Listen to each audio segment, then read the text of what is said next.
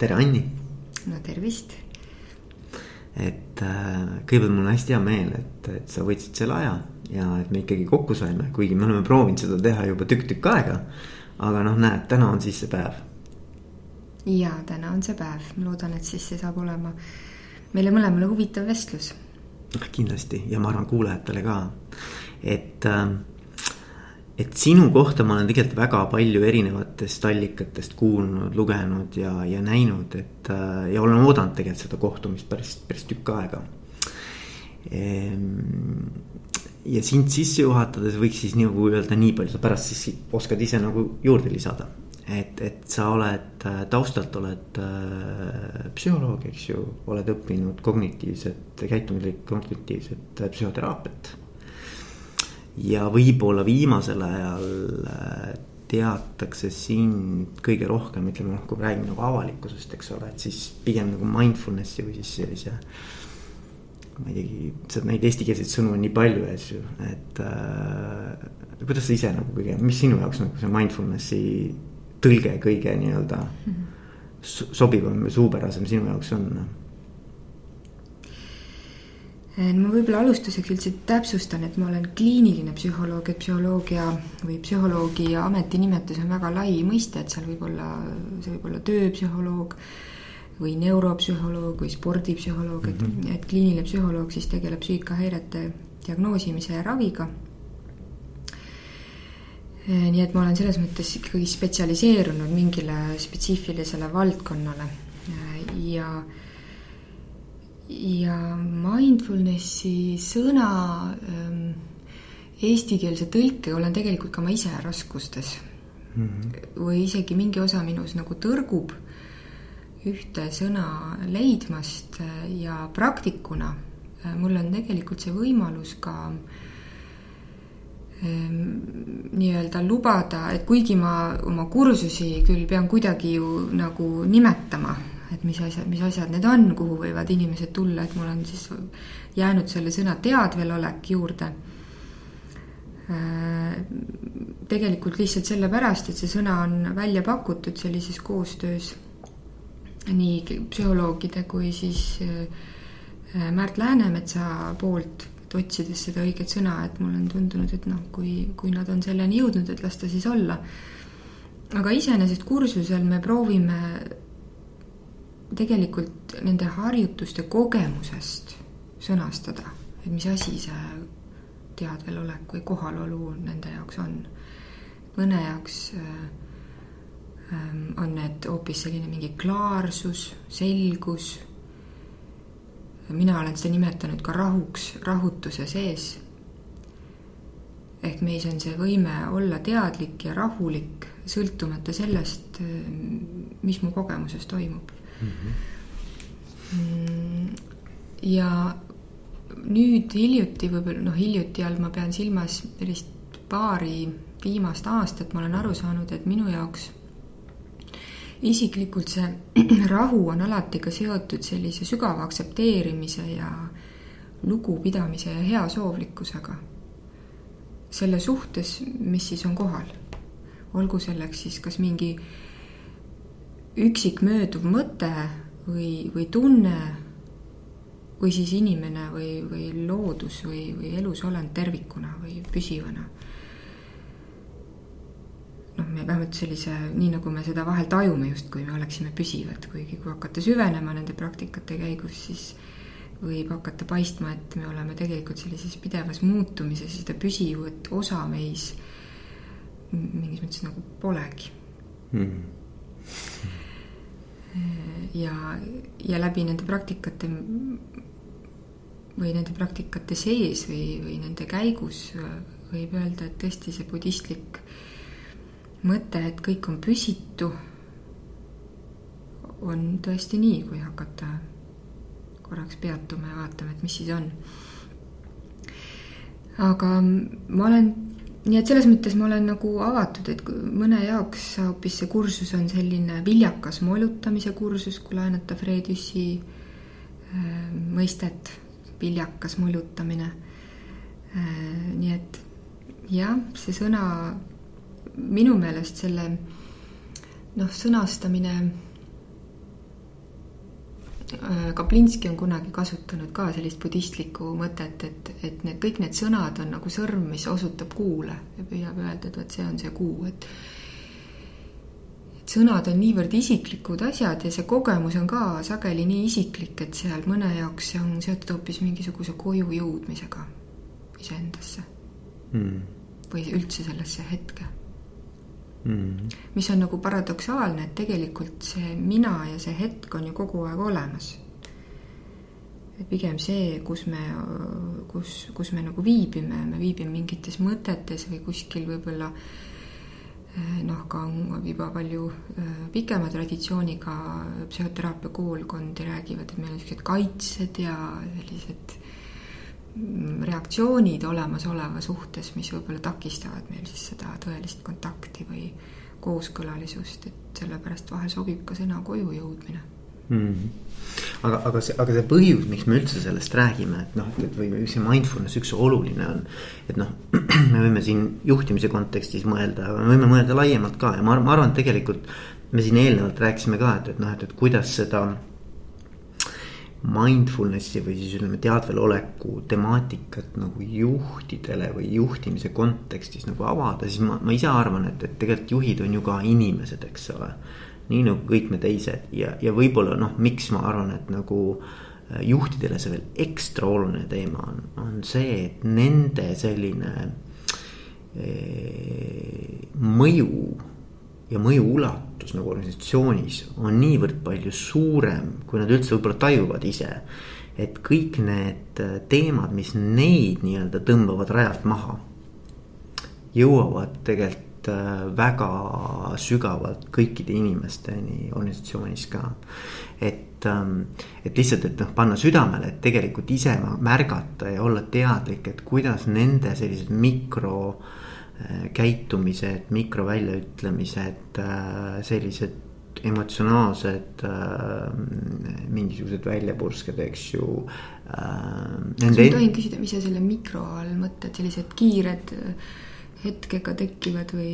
ma mõtlen nagu seda, et need on isegi sellised, mida sa ise ei taju, need on siuksed automaatsed väiksed siuksed gesture'id või siuksed nagu mm. -hmm. no mida sa teed, kas kehakeelega või, või oma mingisuguse, ma ei tea, pilguga või mm, -hmm. või see võib olla näiteks ka see, et sa ütled mingisuguse tonaalsusega mingeid mm -hmm. asju. et tegelikult nendel on nagu hästi suur mõju ja need tulevad kuskilt ja need ei pruugi olla teadlikud nagu üldse nagu noh, et, juht ei pruugi olla teadlik nendest ja ma arvan, et, et mida rohkem juht sellise oma meeleseisundi ja, ja ärkveloleku ja teadvelolekuga tegeleb, seda rohkem ta tegelikult muutub äh,, muutub teadlikuks sellest mõjust ja oma käitumisest et selles mõttes ma arvan, et see on nagu hästi oluline, aga teiselt poolt jällegi tahaks öelda, et noh, et, et see on kõigile, et, et see, et noh, juht on ka nagu noh, olenemata tema rollist, eks ole.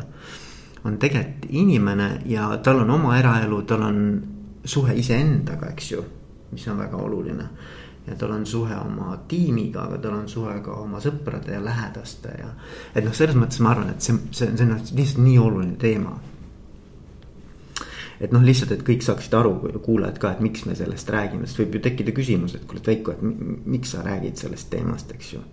aga ma arvan, et, et see on nagu oluline mm. -hmm, ma olen sinuga nõus, et mm, juht, ükskõik siis, mis tal võib-olla see spetsiifilisem ametinimetus on, et ta ikkagi puutub väga palju inimestega kokku. ja see kahe inimese vaheline kontakt või siis noh, vahet ei ole, kas neid on rohkem või, või, või ainult kaks, aga et see on miski, kus me tõesti suhtleme, see suhtlus teineteise vahel on niivõrd rikkalik ja, ja, ja ainult mingi osa on see, mida me teadvustame mm. -hmm. ja just hiljuti ma käisin ühes pangas rääkimas emotsioonidest ja, ja tõesti vahel me mõtleme võib-olla, et mida ratsionaalsem on mingi olend, seda vähem emotsionaalsem ta on. aga need kaks ei ole üldse niimoodi teineteist välistavad või, või teineteisega selles mõttes seotud, et et inimesed on nii äh, ratsionaalsed, aga nad on ka kõige emotsionaalsemad olendid siin, kes siin liiguvad ja kõnnivad, sest meie aju ja närvisüsteem on lihtsalt kõige arenenum ja seda ka emotsioonide osas. ja sealt hakkavad siis need nii-öelda mm, küsimused tekkima, et üks on see tõesti, nagu sa ütled, see toon ja need toonid ja see kehakeel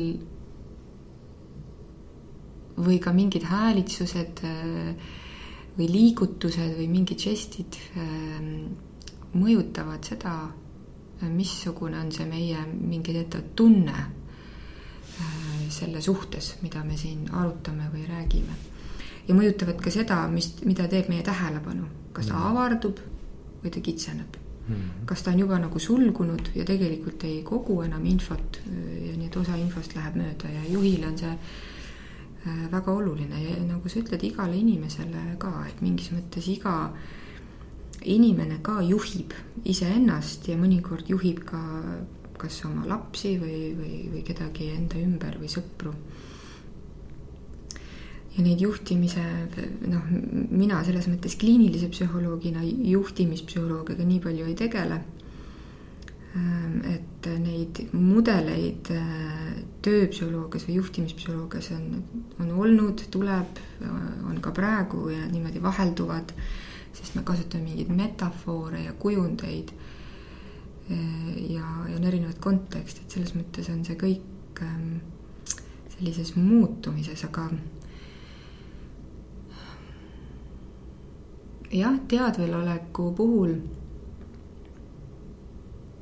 ähm, Michael Chaskalson ja Megan Wright on Inglismaal äh, töötavad ähm, siis spetsialistid, Megan on rohkem tulnud siis sellise ärijuhtimise poole poolt, poole pealt ja ja Michael Chaskalson on olnud ähm, mindfulnessi õpetaja.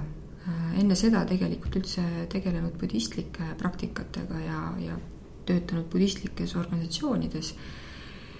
Äh, ja koo-, koo-, noh, nad on läbi aastate niimoodi jõudnud äh, koostööle ja on selle käigus jätkuvalt seda tegemas, aga, aga nii-öelda töö, töötanud välja juhtidele mõeldud mindfulnessi sekkumise või programmi, mis on osa siis sellisest väljaõppest äh, ühes kolledžis Inglismaal, kus juhid käivad õppimas nii-öelda juhtimisoskusi.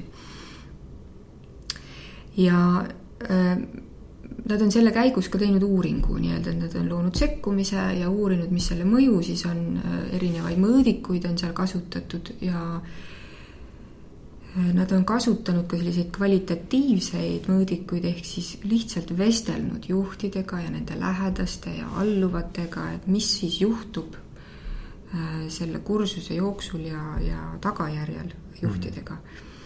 Ja sealt on tulnud nii-öelda nendest vestlustest, äh, kui, kui see on see destillatsioon, mis sealt tehtud on, või, või järeldused, et on kolm põhilist omadust või aspekti, äh, mis juhtimise puhul tundub nendest teadveloleku praktikatest ähm, on olulised või, või määravad, on võime olla äh, uudishimulik iga kogemuse suhtes. Et see on, äh, meil ei ole probleem olla uudishimulik asjade suhtes, mille suhtes meil spontaanselt tekib uudishimu ja avatus mm. -hmm. ah, huvitav, see sobib mulle uudishimu ähm, äh, mõjutab ka see, mis on meie eelarvamus. kui mul on arvamus, et see on, inimene on ekspert äh, või ta seda ei ole minu arvates, siis tegelikult juba ma kas avanen või sulgun. ja need on ka niisugused mikroreaktsioonid, kui sa mõtled sellised kiired reaktsioonid, mida me sageli ei teadvusta hmm ja see võib ja meil tekivad paratamatult kas oma organisatsioonis või väljaspool seda mingid eelarvamused kellegi suhtes, ta on see lähtuvalt siis mingist eelnevast kogemusest. ja ühtepidi teeb see elu kiiremaks või lihtsamaks, sest et noh, inimesed või olukorrad kipuvad ennast kordama, et meil ei ole iga kord vaja uuesti leiutada, aga teistpidi me, kui meil on vaja leida mingeid uusi lahendusi või midagi uut näha, siis, siis seesama eelarvamus juba hakkab seda takistama, et sealt ei ole midagi loota. või et ah, ta ongi selline, aga, aga seal võib miskit tegelikult olla peidus mingis olukorras, nii et see on miski, mida juhid tõid välja, et, et nad õppisid olema sihilikult uudishimulikud asjade suhtes see on teatav selline sisemine seisund. aga see võib olla ka see, mida ma teen, küsin küsimusi, olen avatud, kuulan, kuulan lõpuni, ei sega vahele. mõnikord me kuulame ka, õigemini me vaik-, vaikime vestluse ajal mitte sellepärast, et me kuulame teist, vaid et me ootame, millal ta juba lõpetaks. et saaks ise midagi öelda. ma tegelikult enam mm -hmm. ei kuula, ma juba mõtisklen oma mõtteid. Äh, ja teine asi, mis on oluline, on, nad on seda inglise keeles öelnud allowing, mis eesti keeles ähm, võiks otsetõlkes olla nagu lubamine, aga kui ma mõtlen selle sisu peale või nii, kuidas ma sellest aru saan, siis pigem nad mõtlevad seda, et ma aktsepteerin olukorda nii, nagu see on. Hmm ja nii-öelda selles mõttes see sisemine vastupanu selles, et ma lasen lahti ja ma luban endal nii-öelda tunnistada, et see on nüüd nii. ja mõnikord on see äärmiselt raske. me pressime ikkagi edasi, näiteks äh, võib-olla me juba näeme, et meie kalender on liiga täis mm. -hmm. aga me ei taha seda tunnistada, ei, ma ikkagi saan, ma kuidagi võtan seda une arvelt või siis hakkavad koosolekud üle aja minema mm. -hmm niisiis, no koos, kui koosolekud lähevad üle aja, siis seal hakkavad igast asjad juhtuma, et juba mõni tahaks minna, mõnel sõidab juba sisse.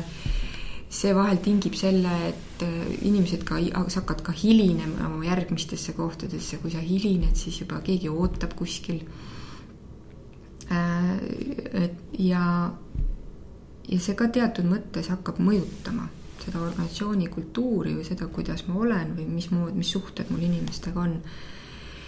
nii et vahel teadveloleku praktikate või treeningute käigus äh, mitte ei tegeleta isegi nagu inimese sellise individuaalse tasandiga, vaid vaadatakse koos mindfulnessi treeneriga üle, et missugused äh, harjumused organisatsioonis tegelikult toetavad sellist ärksust, kohalolu, täpsust, lugupidamist austust, hoolivust teineteise suhtes, nii et see võib olla mõnikord, et ma pean hakkama tunnistama seda, et meil on siin koosolekuks, selliseks efektiivseks koosolekuks on siin teatud hulk. kui me läheme üle selle, siis tegelikult meie töövõime juba langeb näiteks. et ma pean tunnistama, et selle ajahulga juures me peame kuidagi nüüd äh, mõtlema, kuidas neid olemasolevat probleemi, probleemi hulka äh, oleks mõistlik äh, lahendada. Ehm, see lubamine või aktsepteerimine võib tähendada ka seda, et ma aktsepteerin oma sisimisi reaktsioone. Mm.. aga see ei tähenda, et ma lähen nendega kaasa.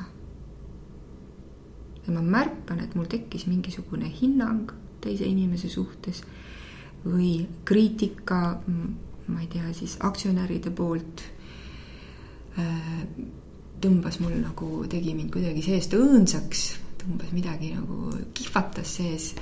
et nad ei mõista näiteks, kui palju tööd ma olen teinud, et nad näevad ainult seda ühte viga, aga seda kõike, mis me oleme hästi teinud, seda ei märgata. et ma näen seda kõike endas äh, tekkimas mm. -hmm aga mul on võimalus nii-öelda küsida, et mis äh, nii-öelda uuesti äh, endas nii et see rahu rahutuse sees, okei okay,, see on kohal, aga mis tegelikult, et mis, mida nad, mismoodi see nende poolt näiteks paistab? Nad on mures, nad ei tea kõike seda, mida me oleme juba teinud, nemad näevadki seda ühte probleemi. Nemad on raha investeerinud. Neil on oluline, et kuidas sellega läheb. ja mida ma saan teha, et ka neile siis äh, infot võib-olla anda, et nad mitte ei ründagi mind otseselt, vaid nad on võib-olla ärevad mures oma raha pärast, jah. Äh, nii et see võime tunnistada olukorda nii, nagu see on ja valida, kas ma lähen selle reaktsiooniga endas kaasa või ei lähe, on väga oluline selline enese teadliku juhtimise alus mm. -hmm. ja äh, mõni, äh, mõned nädalad tagasi või kuu tagasi umbes me vestlesime Michael Chaskalsoniga sellest lubamisest ja ja ta tegelikult tõi välja, ma ei tea, kas ta oma raamatus, mis on ka eesti keelde tõlgitud nimega Meeleaeg, äh, sellest kirjutab koos Meganiga, aga et, et selle lubamisel on nagu kaks aspekti, et üks on see mõistusega lubamine, et see on nii, nagu see on ja mida ma nüüd teen sellega. ja teine on selline soojus ja heasoovlikkus. Olemasoleva suhtes mm.. ja miks see on oluline, on see, et see rahustab meie närvisüsteemi. et kui on mingi jama, siis me läheme nii-öelda sinna sellisesse võitlus ohu, ohuga, tajume, et siin on oht.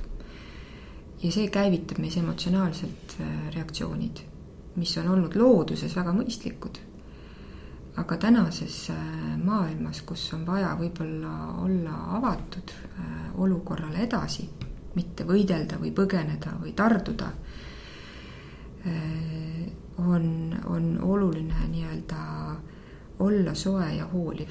Ja see tähendab ka seda, et ta jällegi on nagu seotud selle kognitiivse komponendiga, et ma tunnistan, et asjad on keerulised, mida äh, noh, et meil ei ole maailmas väga lihtsaid asju enam, me näeme aina, aina keerulisemaks läheb, meil on kliimaprobleemid siin ja näiteks noh, on, oletame, et on äh, energiatööstusega seotud ettevõte, mis korraga kas riiklikul tasandil nagu Saksamaal on näiteks mõni aeg tagasi juhtus, äh, tuli riigi poolt nii-öelda korraldus, et tuleb ümber, tuleb hakata taastuvenergiaga äh, tegelema ja tuleb nii-öelda sulgeda teatud aja jooksul äh, siis taastuva energia tootmisega seotud ähm, võimalused või, või viisid.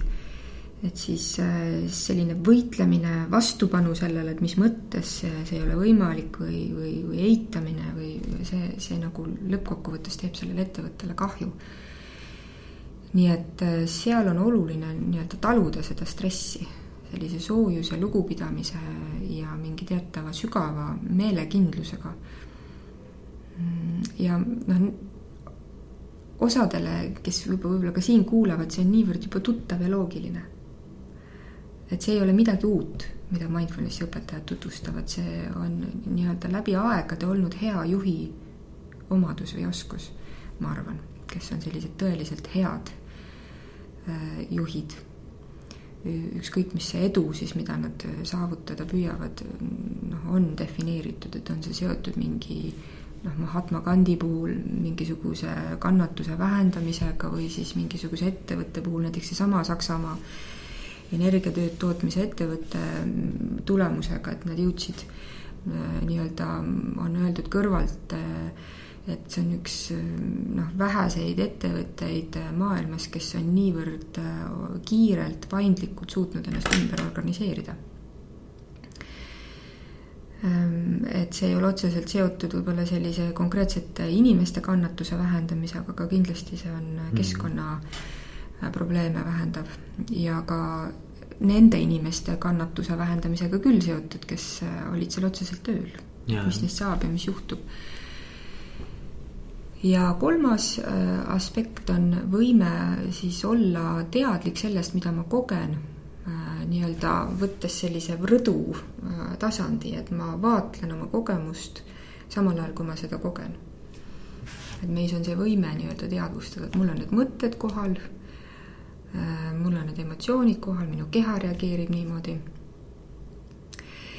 ja, ja see on ähm, nii-öelda ka miski, mida siis me saame endas jälgida, et millal me vajume sinna kogemuse sisse ja oleme lihtsalt seal kogemas seda ja, ja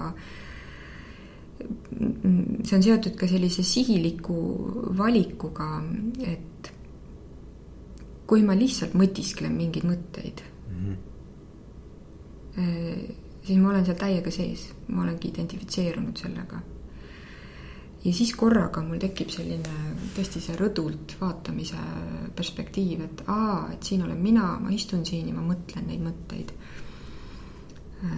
ja, ja väga nutikaid ka selliseid ajuuuringuid on tehtud just seda fenomeni ka uurides, et et selline piirkond ajus, tagumine vöökäär on seotud sellega, paistab vähemalt, et ta on seotud sellega, kui inimesed ütlevad, ta on aktiivne siis, kui ma olen sellises mõtisklemises, meel on hajali, olen sellega kaasas, mida ma kogen.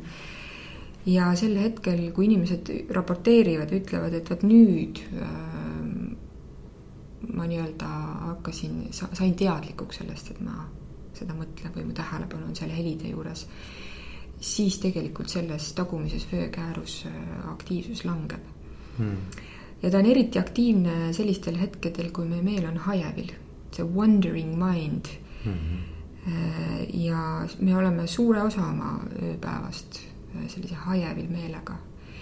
ja ma ei arva, et see on halb, et ma arvan, et kui miski, mis on niivõrd valdav, siis tal peab mingi funktsioon olema mm. -hmm. küll aga on leitud, et ähm, inimesed, kes on depressioonis või, või kõrgema ärevuse tasemega, siis see tagumine vöökäär on seal aktiivsem. ja, ja see on seotud, mida, mida negatiivsemad need mõtted on mm, -hmm. seda aktiivsem ta on. ja meie aju millegipärast armastab olla rohkem keskendunud negatiivsele, lahendamata probleemidele ja see, noh, nagu sa ütlesid alustuseks, et juht äh, on ka inimene äh, ja ja see, missugune on tema selline heaolu või toimimine, mõjutab väga palju seda, mis, mida teised kogevad, aga aga ka teda ennast mm. -hmm. ja ma arvan, neid lahendamata keerulisi küsimusi või, või sellise teatava määramatusega seotud küsimusi on juhil väga palju mm. -hmm sest see, kuidas ettevõttel läheb, ei sõltu ainult juhi panusest või töötajate panusest, vaid ka sellest, mis, mis on ümbritsev keskkond või kontekst mm. -hmm noh, ma ei tea, lennunduses näiteks kuskil ongi mingi tuhapilv äh, ja kohe on asjad hoopis, olukord on hoopis teine mm. -hmm. nii et, et see võime olla teadlik oma kogemusest, lubada ja olla uudishimulik annab, annab võimalusi nii-öelda hakata valima. ja, ja mis on ka huvitav, et vahel ta juba iseenesest meid ma ei tea, kas see sõna rahustama on nagu õige, õige sõna, aga et ta kuidagi lubab meil tunda, et ma olen iseenda peremees või et ma saan rohkem valida, ma olen rohkem teadlik mm. -hmm. isegi kui see kogemus on väga ebamugav, aga et seal on vahe, kas ma olen lihtsalt ärev või et ma teadvustan, et praegu minus on ärevus või ma olen ärev ja samal ajal ma tahan kuulata või, või lahendada seda olukorda. ja noh, ka Brene Brown, mhm. meie selline mm. suurepärane sotsiaalteadlane ja juhtide koolitaja räägib just nimelt sellest julgusest tunnistada asju nii, nagu nad on mm, -hmm. siis kui me tunneme haavatavust, ega see ei tähenda, et me ainult tunnistame seda ja vajume kuidagi sinna kosti kokku, et issand, kõik on nii halb või ma olen nii Äh, vaid et ma tunnistan seda, mis on ja samal ajal küsin, et mida nüüd me saame edasi teha, jah. Ähm, aga noh, see Michael Chaskalson ja Megan Wrighti äh, äh, kolm aspekti on, on üks võimalus ainult, kuidas asjadele vaadata, et seal on väga erinevaid võimalusi, kuidas mindfulnessi treenerid lähenevad organisatsioonidele, aga kindlasti ma arvan, et teised mindfulnessi õpetajad ei vaidle nendele kolmele aspektile vastu. mulle meeldib see ma vahepeal küsin, et, et mulle meeldib see. Need on nagu kuidagi hästi maalähedased aspektid, vaata. et sa võid ka nagu väga abstraktselt nendest teemadest rääkida, eks ole, aga et mulle nagu meeldib, et, et kõik saavad aru, mis tähendab uudishimu, noh, noh. vähemalt ma arvan, et saavad rohkem aru kui mõnest muust aspektist, eks ju ja kõik saavad aru, mida tähendab näiteks kuskil nagu niimoodi rõdult või helikopterina vaadata, on ju, et, et, et mis toimub nii-öelda meie mängumaal ja mina olen seal ka, eks ole.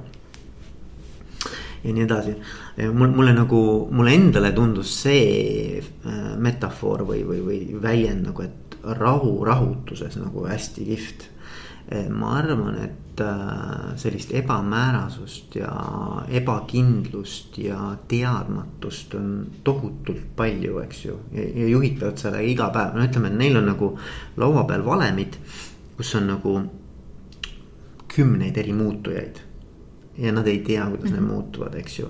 ja mingis mõttes nad püüavad oma tegevusega noh, siis identifitseerida, et noh, mis on need asjad, mida mina saan mõjutada ja kuidas ma kõige paremini saaksin seda valemit siis endale soodsas suunas liigutada. ja, ja noh, ma näen ka ise kõrvalt nagu juhtidega töötades. et see võimekus nii-öelda selles situatsioonis, kus tegelikult sul on nagu päris suur vastutus, eks ole. ja sa tunned vastutust siis mitte ainult nende aktsionäride ees, vaid sa tunned vastutust tegelikult töötajate, nende perede ees, eks ole ja, ja muidugi iseenda ees ka tahad ka edukas olla. et, et, et see, see võimekus sellega toime tulla, võib-olla mitte isegi võimekus, see on vale sõna, see, see viis, kuidas sellega toime tulla, on väga erinev et mul on näiteks olnud hästi suur õnn töötada juhtidega, kes, kes millegi, mingi ime, imevõime on nagu mingi rahu leida endas. et nad, ma arvan, nad sees tegelikult tunnetavad täpselt seda kõike, mis toimub, eks ole. Aga nad on kuidagimoodi saanud nagu mingi usalduse et kõik läheb täpselt nii, nagu minema peab või et, et, et kuidagimoodi nagu teinud rahu iseendaga ja maailmaga, et et noh, et, et see, mismoodi kõik asjad nüüd lähevad. loomulikult see ei tähenda, et ma ei tee midagi selle heaks.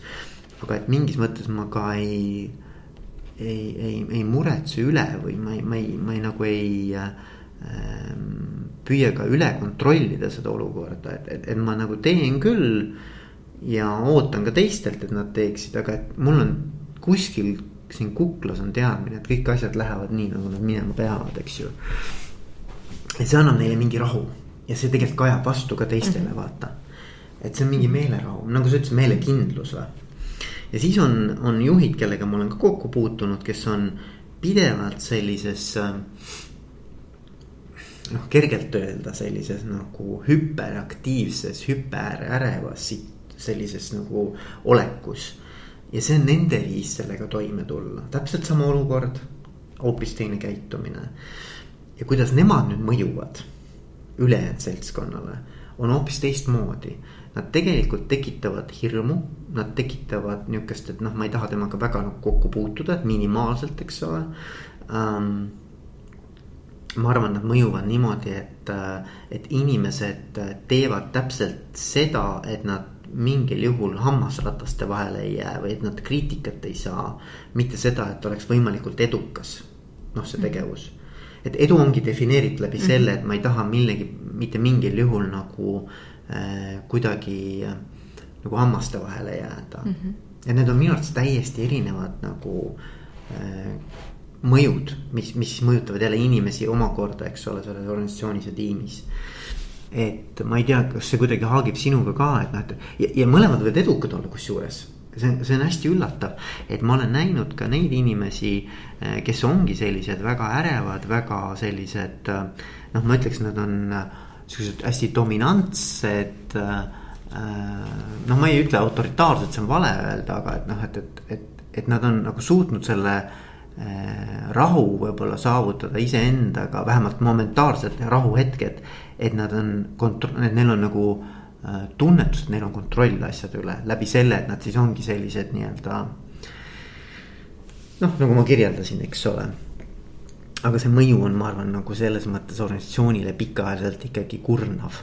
et äh, nad on lühiajaliselt kindlasti edukad, aga et, et see pikaajaline teema võib-olla, võib-olla mm -hmm. ei ole nii, nii roosiline, eks ju jah, ja siin on ja tõesti see küsimus, et kuidas seda edu defineerida.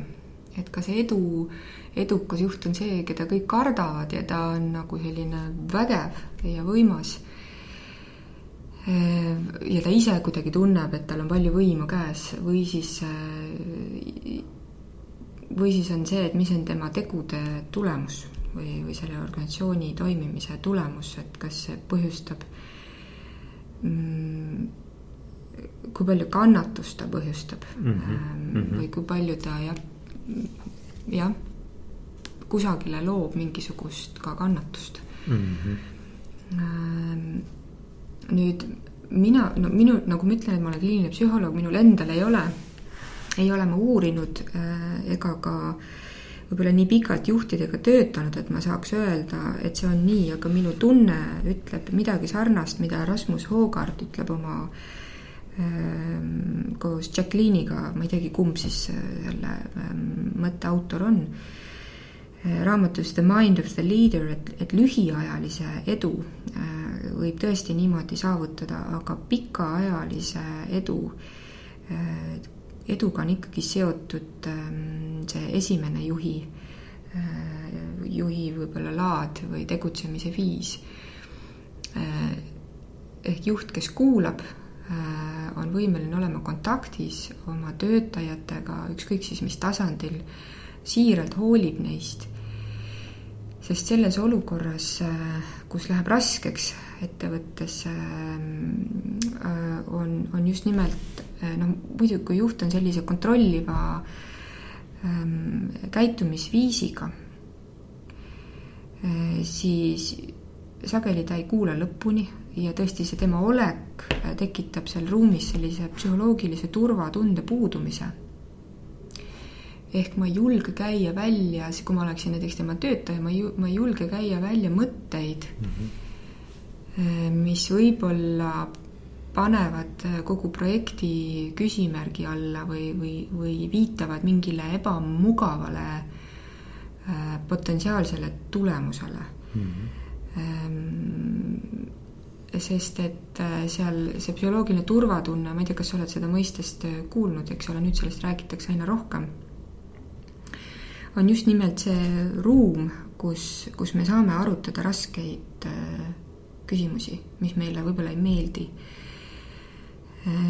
ja, ja seal isegi ma arvan, et üks on see reageerimise kiirus, aga, aga seal on ka see tajutav tõesti, et kas, mis, mis juhtub, kui ma niisuguseid raskeid küsimusi küsin, et kas see juht äh, võib olla küll kiire reaktsiooniga, aga tegelikult ta tahab head ja ma kuskil sügaval saan aru, et ta võib-olla vabandab selle pärast, et ta segas vahele, et et see kiirus ja närvilisus vahel ka ei ole veel nii otsustav, ta muidugi segab mm., äh, aga et seal on ka mingi teatav sügav selline, et kas, kas see juht on üldse võimeline tulema ja vabandama näiteks, et kuule, sorry, ma lendasin sulle peale või äh, või, või et okei okay,, et ma kuule, panin üle praegu, et võtame tagasi, et äh, kuulame ära, mis sa ütlesid mm. -hmm. et kas ma kuskil sügaval tajun, et ta on küll niisugune kiire reaktsiooniga, aga ta tegelikult on heatahtlik või mm, -hmm. või, või suudab ka saada aru, millal ta läks üle piiride mm. -hmm. see on, ma arvan ka, et see, et selles mõttes see ei tähenda alati sellist, et ma saan aru, et Google'is, kus seda psühholoogilist turvatunnet avastati kui ühte eduka meeskonna kõige olulisemat faktorit, tegelikult ähm, selguski, et see psühholoogiline turvatunne ei olnud väliselt alati vaadeldes samasuguse sellise pildiga et äh, inimesed äh, meeskonnas võisid öelda, et meil on väga hea selline, et jah, me saame käia välja mõtteid, me tegelikult lõpuks ikkagi peame kõigist lugu, kuigi ühes meeskonnas võib-olla on selline üksteise ärakuulamine, rahulikkus ja teises meeskonnas käib selline mingi äh, vilkam madistamine. jah, mhm. et, et see on mingi selline teatav tunne, et kas me võime selle ära madistada, aga siiski me tahame kõik head Mm. teineteisele ja mm. peame nagu kõigist lugu ja, ja võime ka aeg-ajalt äh, lolle mõtteid välja käia. Äh, aga me oleme piisavalt ausad, et me teineteisele sellest ka siis märku anname mm. -hmm, mm nii et ähm, selles mõttes jah, see sisem-, rahu, rahutuse sees ei ole mitte selline pidev rahuolek, vaid, vaid just nimelt võime ka lisaks sellele, mis, millest me nüüd oleme juba rääkinud, ka võime äh, tunnistada endale, et ka mina olen inimene juhina mm. -hmm. ja ma teen vigu mm. -hmm. ja et see on okei okay. Äh, ja aina rohkem on uuringuid, mis ütlevad, et inimesed, kes on enda suhtes äh, aktsepteerivamad ja kaastundlikumad. sest sellega kaasneb ka valu. Äh, noh, valu on nii-öelda jutumärkides kirjeldab kogu seda psühholoogilist häbitunnet, süütunnet, vihatunnet võib-olla enda suhtes, kuidas ma sain nii loll olla et ma ka selle, sellega suudan olla ja mõista, et ka see on, et nii vigade tegemine kui ka selle pärast valutamine on see, mida me kõik teeme mm. -hmm aga kas ma suudan seda ka lasta olla, olla selle suhtes heatahtlik, selle reaktsiooni suhtes endas. ja öelda, et aga kui need asjad on nii, mis on siis see, mida ma saan edasi teha mm. -hmm. jah. ja need inimesed, kes on äh, enda suhtes kaastundlikumad, heasoovlikumad, andestavamad, tegelikult uuringud ütlevad, need inimesed, nendega on parem koostööd teha mis on jälle selle psühholoogilise turvatundega seotud. nad äh, vabandavad ja tunnistavad rohkem, kui nad on midagi valesti teinud ja me ei saa enne probleemi hakata lahendama, kuni seda ei ole tunnistatud mm., eks ole. sest enne ma ei saa üldse hakata vaatama, mis siis oli siin selles süsteemis mm, -hmm. mis lubas sellel veal tekkida.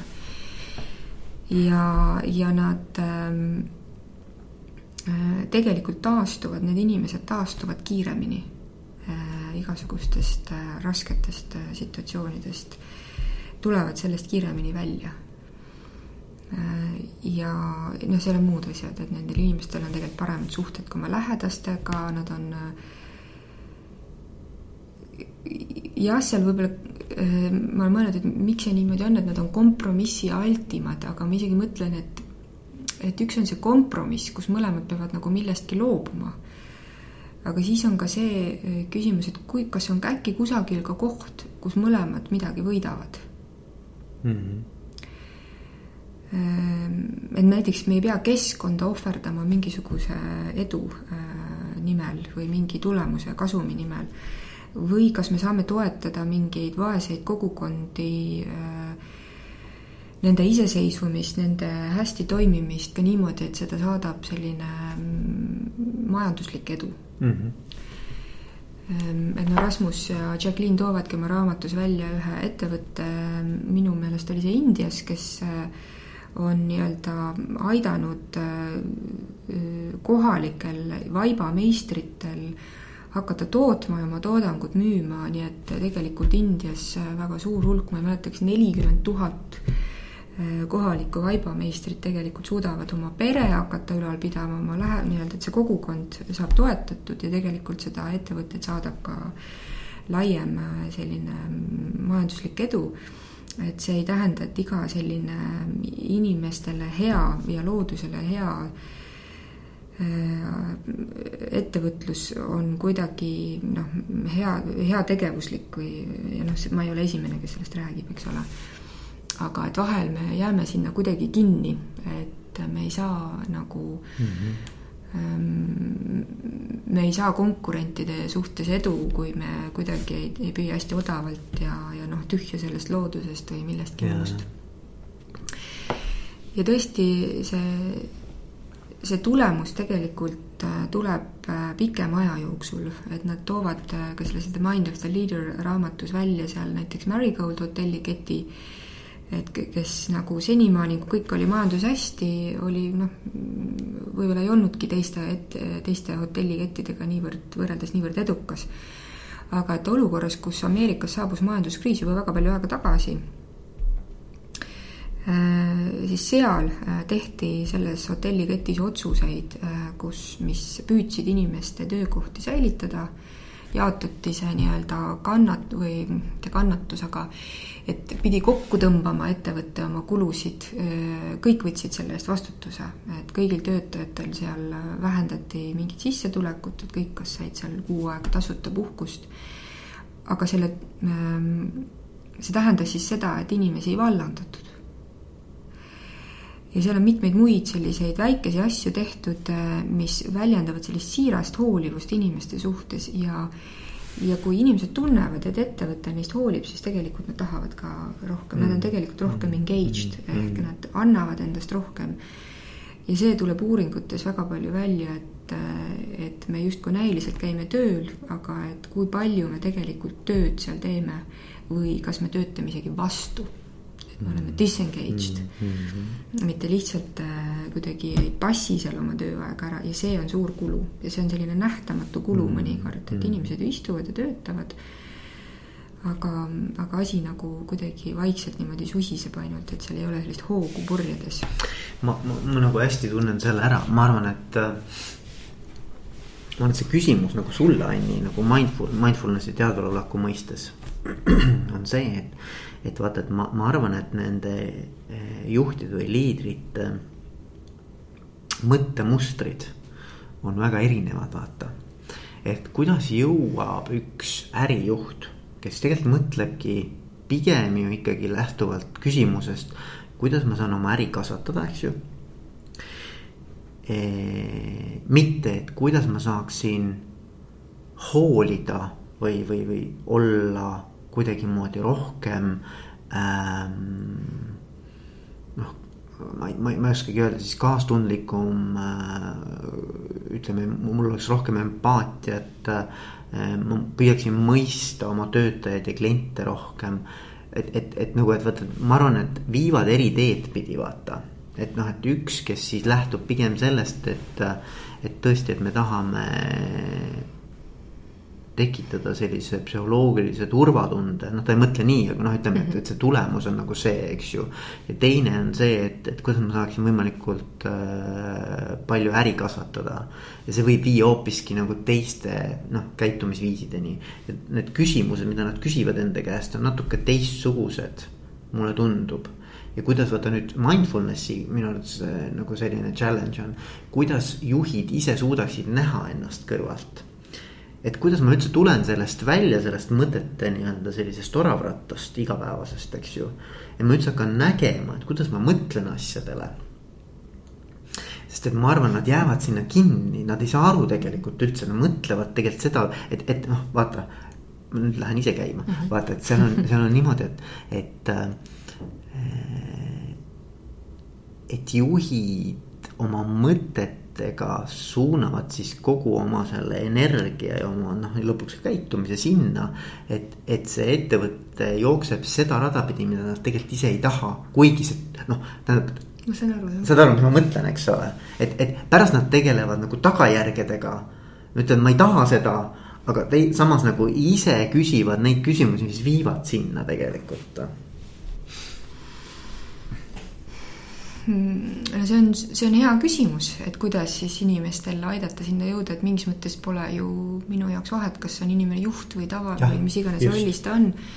et seda ma küsin ju oma psühhoteraapia kohtumistel samamoodi, et, et ja noh, kuidas ma ütlen, et et mõnikord ma ka ei tea, mida täpselt inimesel on vaja, et see ei ole niimoodi, et mina istun ja olen selline kõiketeadja seal ja siis ütlen, et sul on nüüd seda tarvis, aga et mõnikord me peame koos selleni jõudma. aga ütleme niimoodi. mõnikord, aga ühe asja, mis ma tahaks öelda, et et mingis mõttes see vastus on väga lihtne ja sa kasutasid sõna siin mitmel korral, et nemad seal kuskil on need juhid mina jällegi tunnen, et ähm, ka, et see nemad on ka mina ise mm. -hmm. et ka mina mingites olukordades ka praegu äh, käitun täiesti sellise noh, nii-öelda impulsi pealt ja ma tegelikult ei olegi veel ära näinud, et mi-, et noh, miks ma seda siin teen mm. -hmm. no ma ei tea, mingis pereolukorras näiteks äh, või, või mis iganes töökeskkonnas äh, mingi asi on, mida me teeme ikka ja jälle, aga aga kui me hakkame sellele vaatama, et, et kas, kas see, mida ma teen, tegelikult viib selle tulemuseni, mida ma soovin, siis tegelikult ei vii hmm.. noh, ma ei tea, keegi lähedane või keegi inimene ei käitu nii, nagu ma tahan. ja kuidas ma siis seda olukorda lahendama hakkan. et mõnikord üks osa minust tahab ähm, noh, näiteks kodus keegi ei pese nõusid näiteks sellel hetkel, kui ma seda soovin, et üks osa minust ju tegelikult tahab, et nõud oleksid pestud mm.. ja teine osa on kuskil, kes tahab, et, kes ütleb, et sind ei austata mm., kui nõusid ei pesta, et seal on nagu veel teine tasand. teine ei hooli või ta ei austa piisavalt mind. ja, ja siis ma mõnikord lähen vihaga seda austust nagu välja nõudma mm. -hmm aga siis see teine eesmärk kuidagi mõnikord jääb hoopis, et seda vähem see inimene, kelle peale ma vihastan, mind tahab austada ja tahab neid nõusid pesta. mida agressiivsem ma olen, nii et kui ma ausalt vaatan iseendas ka mõnele asjale otsa, siis ma ütlen, et ma veel tänagi ei tea, et et mismoodi ma siis võiks käituda, mis tegelikult aitab mind nendele vajadustele või eesmärkidele lähemale, mida ma soovin.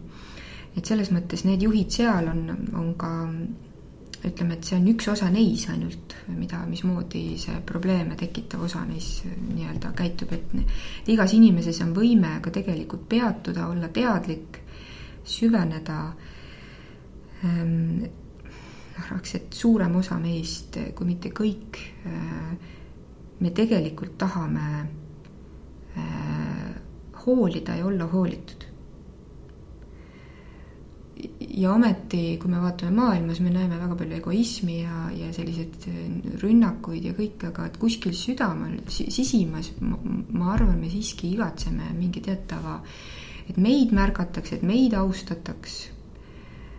ja isegi kõige võib-olla suuremad sellised või no vähemalt suurem osa inimesi tegelikult tahab oma lähedastele head jah, et, et aga see probleem tekibki sealt, et kus on see meie lõpeb ja kes need nemad on, et et nende kellegi seal kõrval suhtes me ei suuda nagu seda heasoovlikkust tunda, et et selles mõttes ma võib-olla äh, ei tahaks äh, seda tekitada, et me räägime seal kuskil kellestki nendest juhtidest, kui tohib, et kes on need problemaatilised, et meis kõigis on see varjukülg olemas mm. -hmm ja siis võiks küsida, et kuidas, noh, sa võid Veiko endaltki küsida, et kuidas ma olen näiteks mingi mustri osas jõudnud mingile teatava teadlikkuseni, mida selleks, see küsimus oli, et mida nende juhtidele mm -hmm. siis teha või pakkuda, et et mhm. mida, mida sa oled leidnud, et sind ennast äh, aitab? Ma arvan, ma arvan, et see on ikkagi mingi valu, vaata, et, et selles mõttes, et sa pead nagu ähm, võib-olla sa pead nagu aru saama, võib-olla mitu korda nagu valu saama, et, et, et ei toimi sellisel moel asjad, eks ole mm. -hmm. ja siis sa nagu noh, loodetavasti õpid, eks ju mm. -hmm. et, et nagu, et, et kas sa näed, et nagu, et seesama asi kordub, eks ju. mingi analoogne situatsioon. Aga et sellisel moel sa seda nagu ei, ei suuda ära lahendada ja siis mm, -hmm. ja siis võib-olla ma arvan, et sa jõuad selleni, et sa hakkad nagu küsima küsimusi, et et aga, et noh, et, et, et kas see siis nüüd ikkagi on nii, et äh, see teine pool on kindlasti midagi mm -hmm. noh, et vaata, et sa hakkad nagu kahtlema mm -hmm. ka oma käitumises mm -hmm. või oma mhm. sellises mm -hmm. nii-öelda mm -hmm. lähenemises asjadele. ja selleks on vaja tagasiside. ja selleks on vaja valu tunda, ma arvan tagasiside, mis, mis ka mulle annab, no sest mõnikord ma võin põhjustada teistele valu, aga ma ei, ma ei ole ise sellest teadlik. nojah, jah, jah. jah, et näiteks äh, needsamad kolmsada kuuskümmend kraadi tagasisidet, et see annab nagu tegelikult, et mul võib olla oma tunne, et ma olen väga äge juht. korraldan siin, möllan, aga sealt hakkab tulema mingi tagasiside, et oi-oi, et tegelikult teised nagu ei arvagi nii, et ütlevad vastupidi, et selle juhiga meil on siin probleemid, et ma vaatan, ma ei saa tegelikult töötada, mu loovus on kuidagi piiratud või, või või et kulub nii palju aega, ta kontrollib sellele raporteerimisele, et varem läksid asjad palju kiiremini, sest et juht usaldas meid või mis iganes, et mm. -hmm. et see mõnikord see valu nagu, nii et mul on vaja infot, et sellest, mis toimub mm. -hmm ja see info võibki olla selline tagasiside mingi, mingi formaadi vormis, mida ka ettevõtted vahel ju tellivad ja. või, või, või püüavad saada. tagasiside võib olla ka sellest, noh, nii-öelda see objektiivne tagasiside, et kas kuidagi käive või kasum või mis iganes väheneb, aga noh, maailmas, eks ole, paljud muud asjad ka mõjutavad seda, äh, mismoodi ettevõttel läheb. ja, ja siis meie enda keha äh, on ka tagasiside koht mm. Mm ehk siis äh, ma hakkan tajuma seda, mis on, mis minu endaga toimub ja mis toimub minu endaga siis, kui ma olen teistega kontaktis mm. -hmm. et kas hakkab ruumis mingi pinge tekkima, kas meil on tegelikult ebamugav siin, äh, kas need koosolekud on tegelikult nagu kuidagi väsitavad, et me kõik mm -hmm. kuidagi nagu mm, nagu mitte ei toesta teineteist või jõusta, vaid, vaid me kuidagi nagu töötame teineteisele vastu mm, -hmm. kas me oleme väsinud peale koosolekuid mm. -hmm ja, ja mis üldse minuga juhtub, äh, äh, hakkan läbi põlema näiteks, et et tõesti, kui kõik läheb hästi, siis, siis nagu meil ei ole põhjust muuta ennast ei töökeskkonnas ega ka kodus, aga kui mingid asjad hakkavad hõõruma ja hakkavad halvaks minema ja tõesti see valu tekib, siis see paneb meid muutuma. ja, ja siis on juba küsimus, kuidas, mida ma pean tegema, jah ja teadveloleku praktikate puhul võiks öelda, on nagu neid viise, kuidas siis hakata praktiseerima, väga erinevaid, et kunagi ma isegi enam ei mäleta, kust see info tuli, aga keegi on öelnud, et on kaheksakümmend neli tuhat erinevat teed, viisi, kuidas mm., kuidas praktiseerida. aga võiks öelda, et on nii-öelda sellised spetsiifilised harjutused ähm, noh, sportlastel ka, et on mingi spetsiifiline aeg, kus ma võtan näiteks äh, vastupidavuse treeninguks või mingi kindla lihasgrupi treeninguks.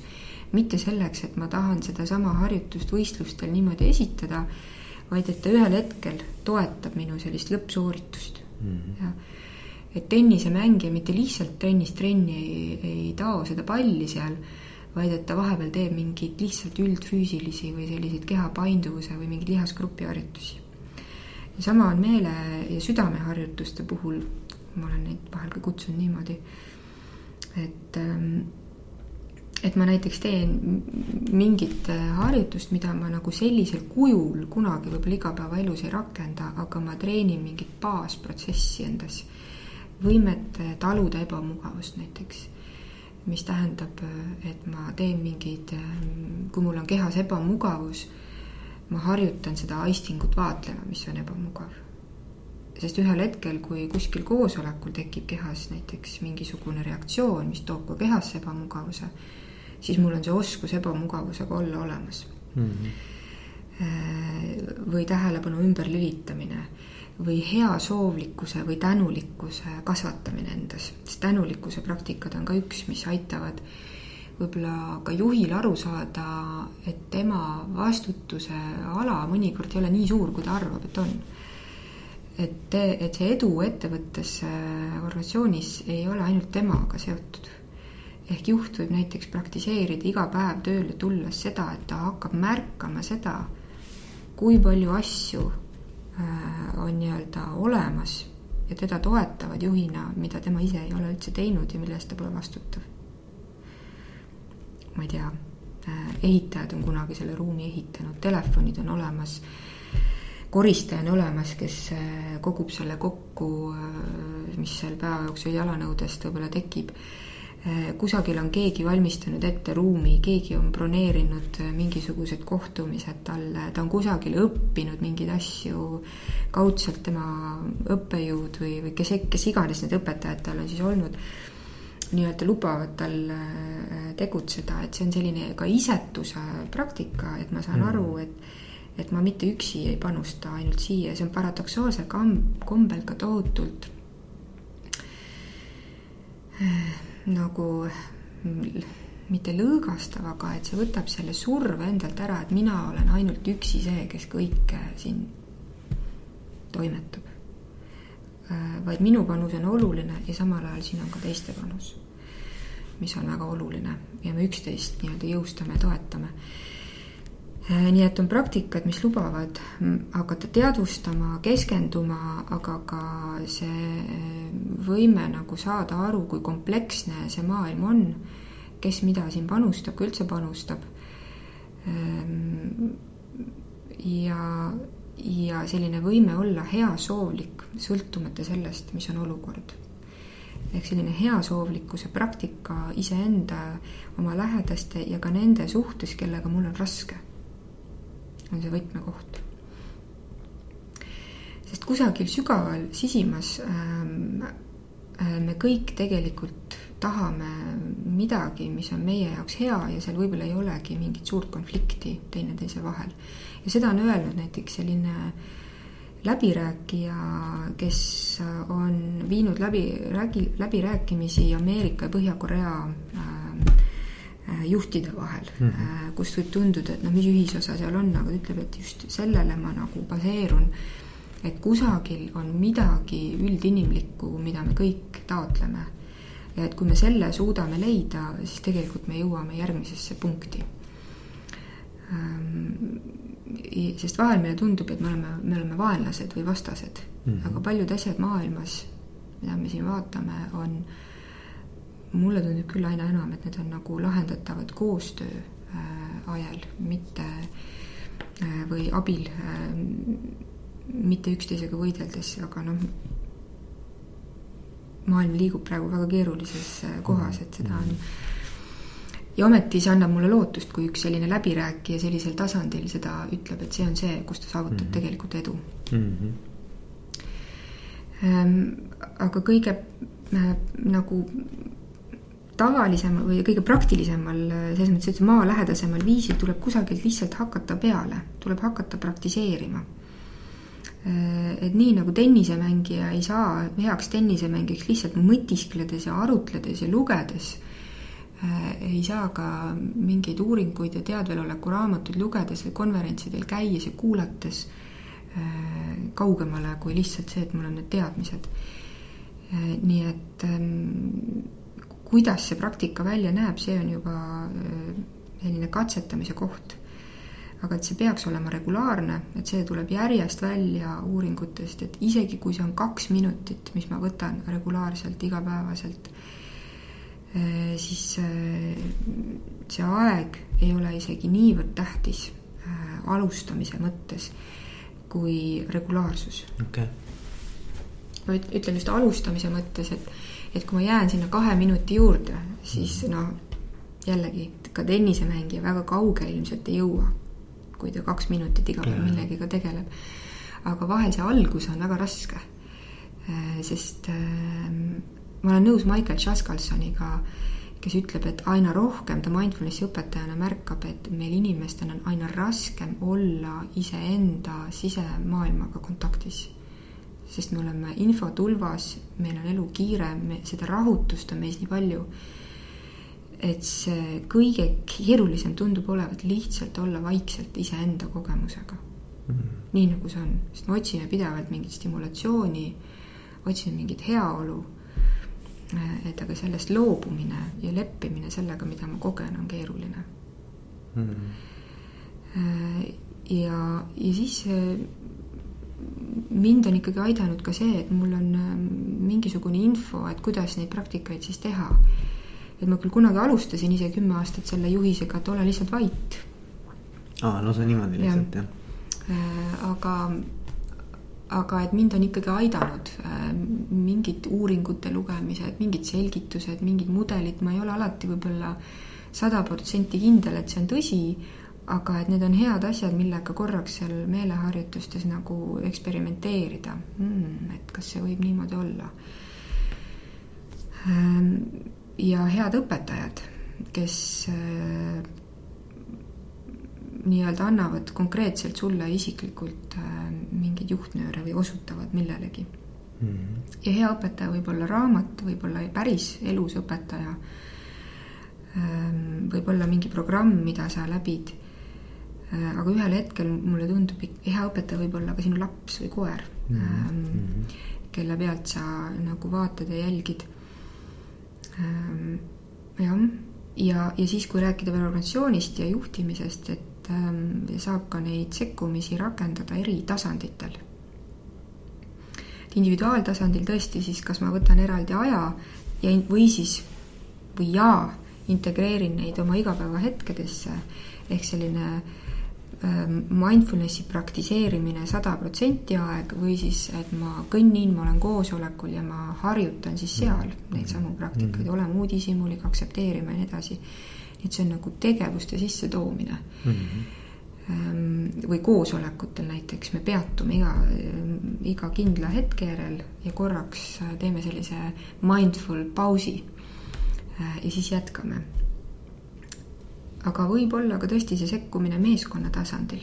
Äh, et me ei, me ei õpetagi niivõrd äh, praktikaid individuaalselt, aga kuidas see meeskond toimib mm..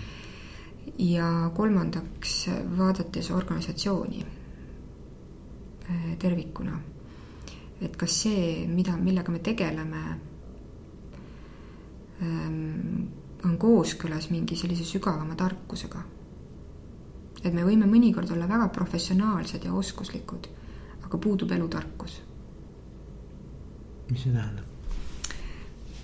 et see, mida ma teen, ähm, noh, ma ei, ma ei aseta seda nagu laiemasse konteksti. ja seda vahel on ähm, noh, et mingi asi võib olla väga äge, aga see toodab kannatust mm.. et kas sa mõtled seda, et, et, et me teeme mingil mingit asja ja me ei mõtle. on see siis toode või teenusega, et näiteks me ei mõtle, et kuidas see laiemalt kogu ühiskonda mõjutab. noh, midagi sellist, eks ole. Mm,, okei. Okay kuule, Anni, ma olen hästi teadlik nüüd meie aja, aja sellest piirangust. Mm et, äh, et ma arvan, me võiksime rääkida pikalt, pikalt, pikalt sellest, et, et võib-olla viimase asjana ma küsiksin seda, et. et kui nüüd nagu kuulajad seda kuulasid ja ma arvan, et siin tekkis mitmeid selliseid nii-öelda kõnetamiskohti. et, äh, et kui nüüd tõesti on huvi selle teadveloleku praktikate ja mindfulness'i vastu, et, et mis sa soovitaksid äh, nendele inimestele esimese sammuna?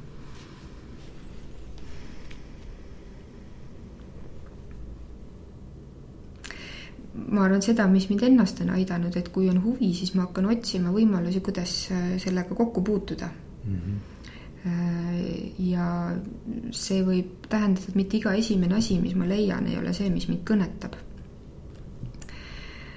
Ähm, ehk siis ähm, kui ma satun mingile kursusele ja see kuidagi ei kõneta mind või see õpetaja mind ei kõneta, siis ma julgustan edasi otsima sest mul on sügav veendumus, et need on niivõrd sellised meie üldinimlikud protsessid või baasmehhanismid, et siin ei ole küsimus enam selles, et kas nad töötavad või ei tööta või kas nad on kasulikud või ei ole, vaid pigem on küsimus selles, et kustkohast alustada, missugused need praktikad oleksid minu jaoks.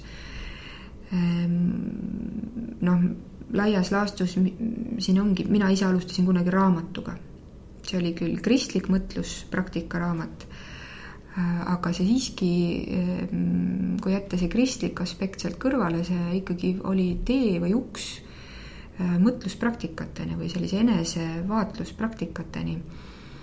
Äh, et see võib olla mingi raamat, mis seda esmast sammu laseb teha, see võib olla mingi kursus, see võib olla mingi äpp aga äppide puhul täna puudub ikkagi selline tõenduspõhisus, et, et kuhu nad me, kau-, kaugele nad meid viivad mm.. kui ma lihtsalt kuulan mingeid helisalvestusi ja mul puudub kontakt äh, konkreetse õpetajaga.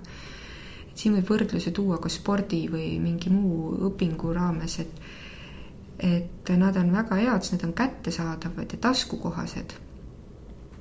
aga et kui kaugele ma spordis jõuan äppidega mm. -hmm noh, ma ei tea nojah, eks, aga ja. ma arvan, et see on nagu hea koht nagu, mida nagu, kust ja. alustada võib-olla või nagu just, saada mingit lisainfot, eks ju.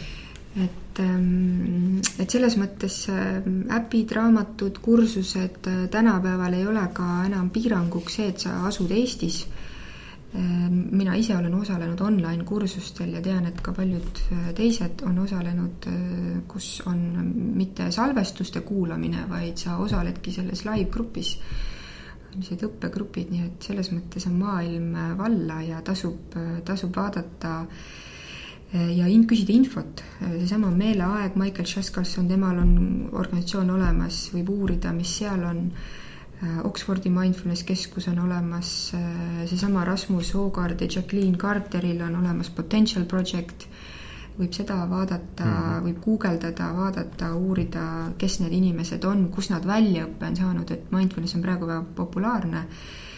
et ja kuskil ei ole seda politseid nii-öelda, kes ütleb, et sina ei tohi ennast mindfulnessi õpetajaks nimetada, et väga paljud nimetavad ennast mindfulnessi õpetajateks, kuigi mm, see väljaõpe võib-olla on, on puudulik mm.